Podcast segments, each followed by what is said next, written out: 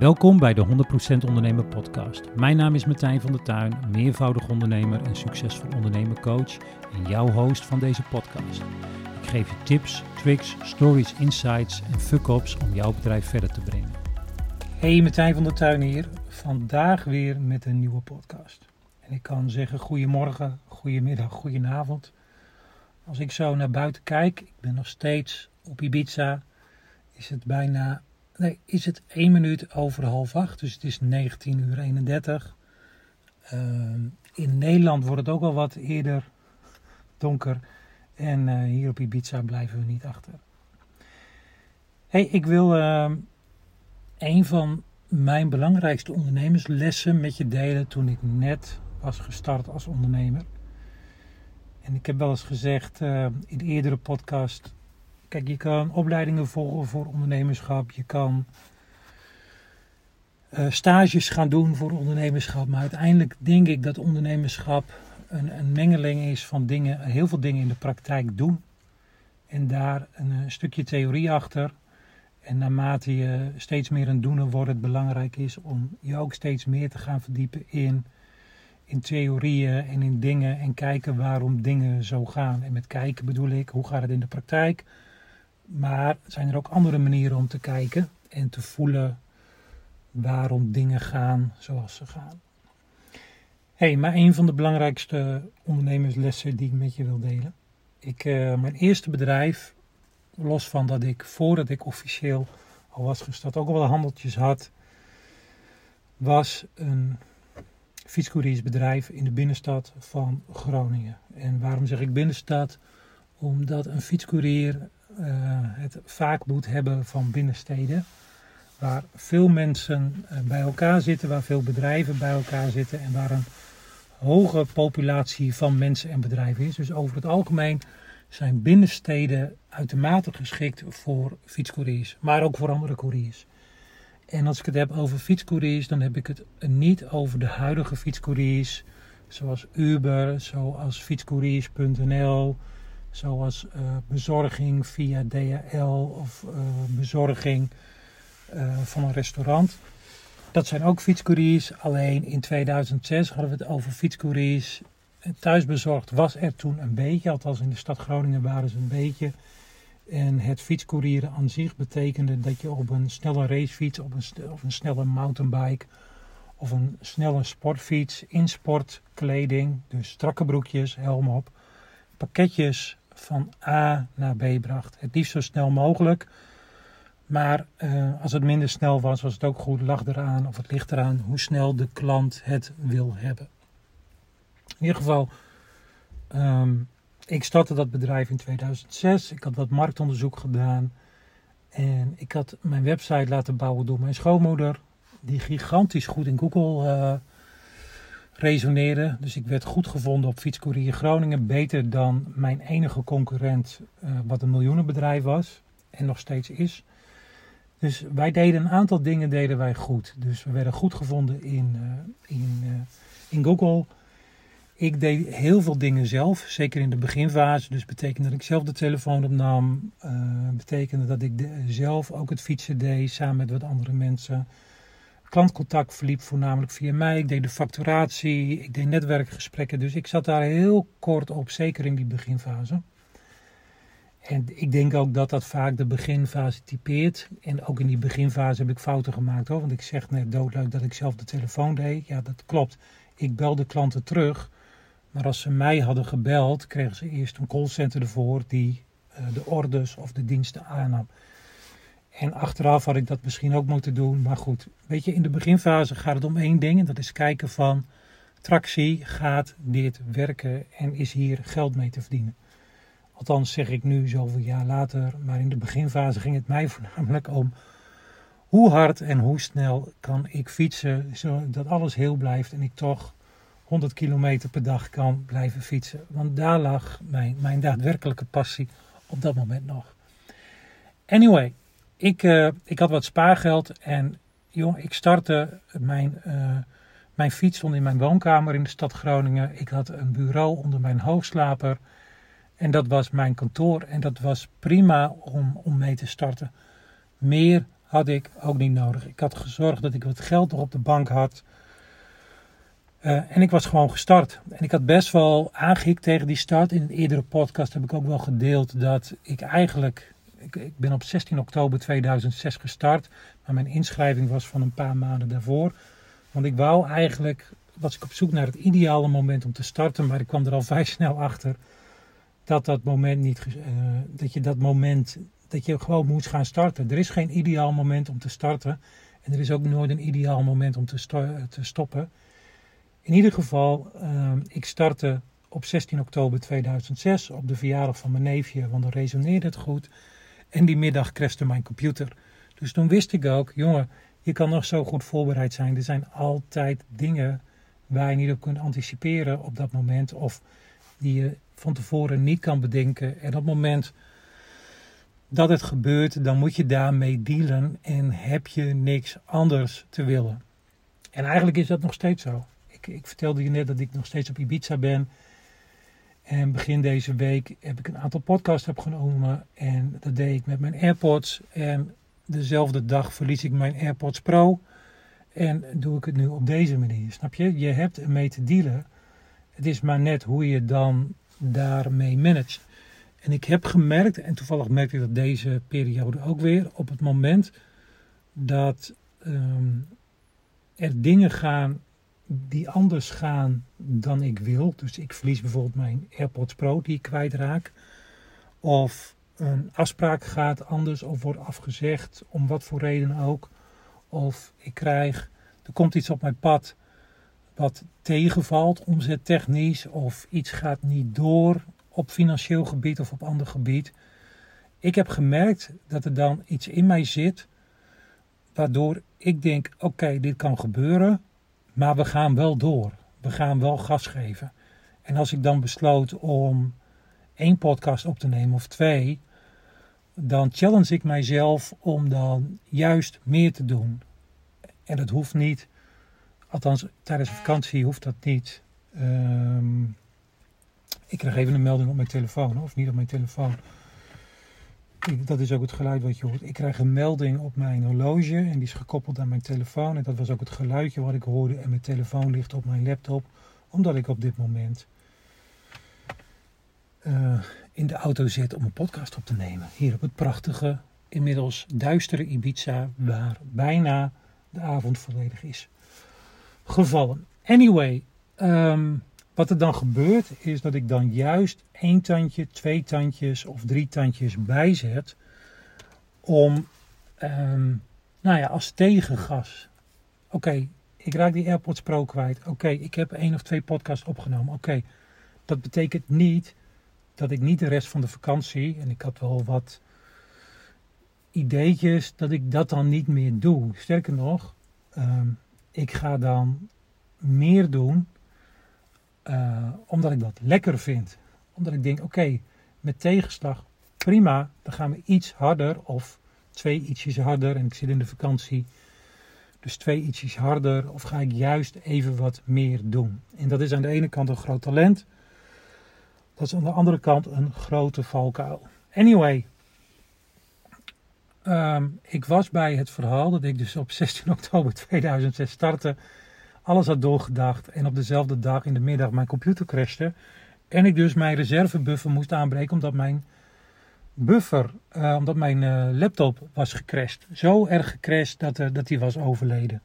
Dus dat hoort er allemaal bij. En dan gaat het dus om, hoe ga je ermee om? En in mijn geval, ik zet dan twee of drie of vier of vijf of zes of tien tandjes bij om te knallen. En dat gaat mij over het algemeen goed af, dat knallen. In ieder geval, ik was dus mijn bedrijf begonnen, waren een paar maanden bezig. Uh, binnen één dag was er omzet, hè, dus mijn marktonderzoek had ook goed geresoneerd. En ik was voornamelijk bezig, oké jongens, ik moet pakketjes van A naar B moeten gefietst worden. Wie gaat dat doen? En hoe ga ik zorgen dat ik meer opdrachten krijg, meer opdrachten, meer opdrachten. Bij dezelfde opdrachtgevers of bij andere opdrachtgevers. Dus ik was, daar lag mijn primaire focus. Ik kwam er toen al snel achter dat ik bijvoorbeeld voor mijn website niet de juiste teksten had. Wel de juiste zoekwoorden, maar mijn teksten moesten scherper. Ik kwam er ook achter dat mijn fotomateriaal, mijn reclamemateriaal, Weet je, ik, ik had geen goede, hele goede foto's waar ik ook mee de boer op kon, waar ik ook media, mee de media in kon. En tegenwoordig moet dat. En, maar in die periode, joh, ik was er helemaal niet mee bezig. In ieder geval, ik, uh, ik maakte een deal met een videoproductiebedrijf.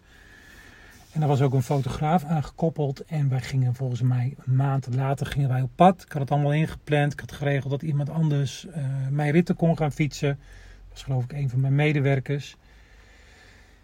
En uh, ik vergeet het nooit weer. Ik vroeg aan die fotograaf. Hij had zo'n pick-up truck had hij. En uh, mijn fiets lag achterin, want we gingen naar een bepaalde locatie toe. En ik raakte met hem in de praat. En ik zei tegen hem, ik zeg...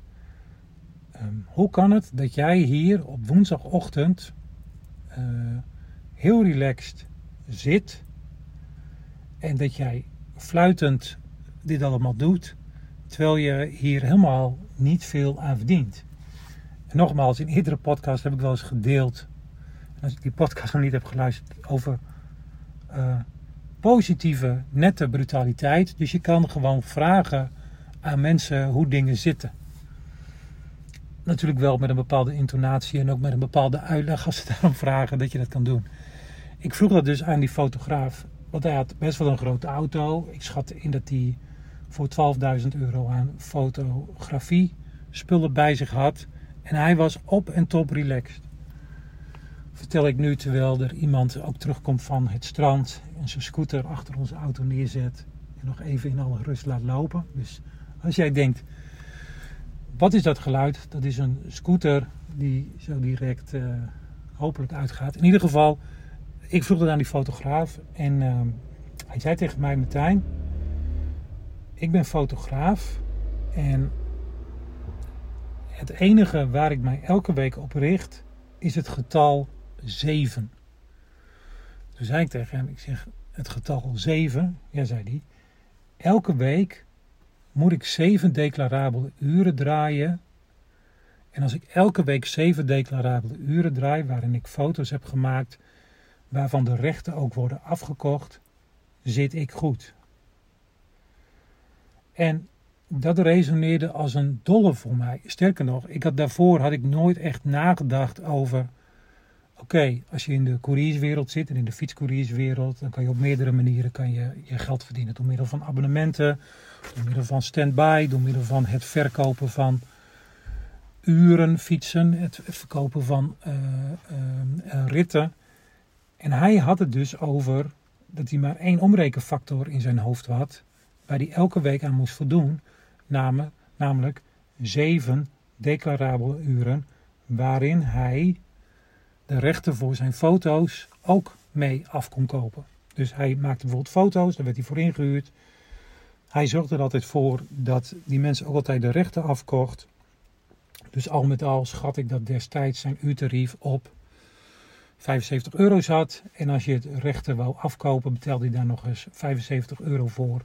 Dus dat je op 150 euro per uur, zeg maar, laat ik het zo maar zeggen. Dus uh, een uur om te fotograferen en dat hij nog wat tijd nodig, een uurtje om de rechten af te kopen. Nou, die had hij al gemaakt en hij zag dan af van die rechten.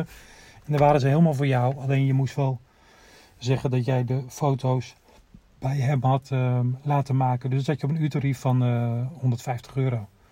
Dus snelle rekenaars weten dan dat hij 1050 euro per week omzette. Um, hij had geen kantoor.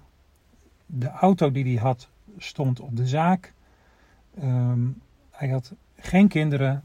Hij woonde relatief goedkoop. Zijn vrouw had een goed inkomen. En heel plat gezegd, zeven declarabele uren per week waren voor hem genoeg. En het maakte dus niet uit of hij daarnaast 33 uur in de week andere dingen ging doen. Dat deed hij niet. Ik weet dat hij voornamelijk bezig was met andere leuke dingen die gericht waren op netwerkopbouw, omgaan met de juiste mensen, omgaan met netwerk opbouwen, initiatieven doen, die er allemaal waren op gericht dat hij elke keer in de picture kwam als er foto's moesten worden gemaakt of videoproducties moesten gedraaid worden. Dus hij werkte misschien 40 uur in de week, waarvan er 7 declarabel moesten zijn. En dat deed hij op een fantastisch slimme manier, want er was geen bijeenkomst waar hij niet kwam En hij had altijd zijn fototoestel bij zich. Altijd. Er was geen bijeenkomst in Noord-Nederland waar hij niet kwam zonder zijn fototoestel en zonder een visitekaartje. En waar hij even foto's maakte, waar hij even zijn naam liet droppen, waar hij even zorgde dat de, de, de foto's naar degene ging die de netwerkbijeenkomst hadden geregeld. Dan zei hij, die kreeg je van mij. Maar hij wist altijd dat hij binnen zo'n moment en drie maanden later, als ze een fotograaf nodig hadden, bij wie kwamen ze uit? Bij hem, omdat hij daar al was geweest. De ondernemersles die ik daar heb uit geleerd is dus op dat moment wat zijn je declarabele dingen die je hebt. Dus in zijn geval de zeven heilige uren die hij per week moest draaien om in een goed inkomen te voorzien. En of die ze nou op maandagochtend draaide of op vrijdagmiddag, hij zorgde altijd dat hij die zeven declarabele uren had. Dus dat was voor mij een gigantische gigantische ondernemersles als, met alle respect, startende ondernemer in de courierswereld die daarvoor nog nooit een bedrijf had gerund. Maar als je dan met iemand te maken krijgt die nou, in zijn eentje anderhalve ton draaide op dat moment, gewoon puur met de declarabele uren en alles wat er nog eens bij kwam, dan was dat voor mij op dat moment mindblowing. Dus dat was destijds voor mij de les. De les die ik nu met je wil delen is eigenlijk dezelfde les van wat is er voor jou nodig? Welk heilige getal heb jij nodig per week? Hè? Zijn dat het aantal cliënten die je helpt? Zijn het het aantal declarabele uren die je draait? Zijn het het aantal offertes die je akkoord moet hebben? Zijn het het aantal online verkopen die je gerealiseerd moet hebben?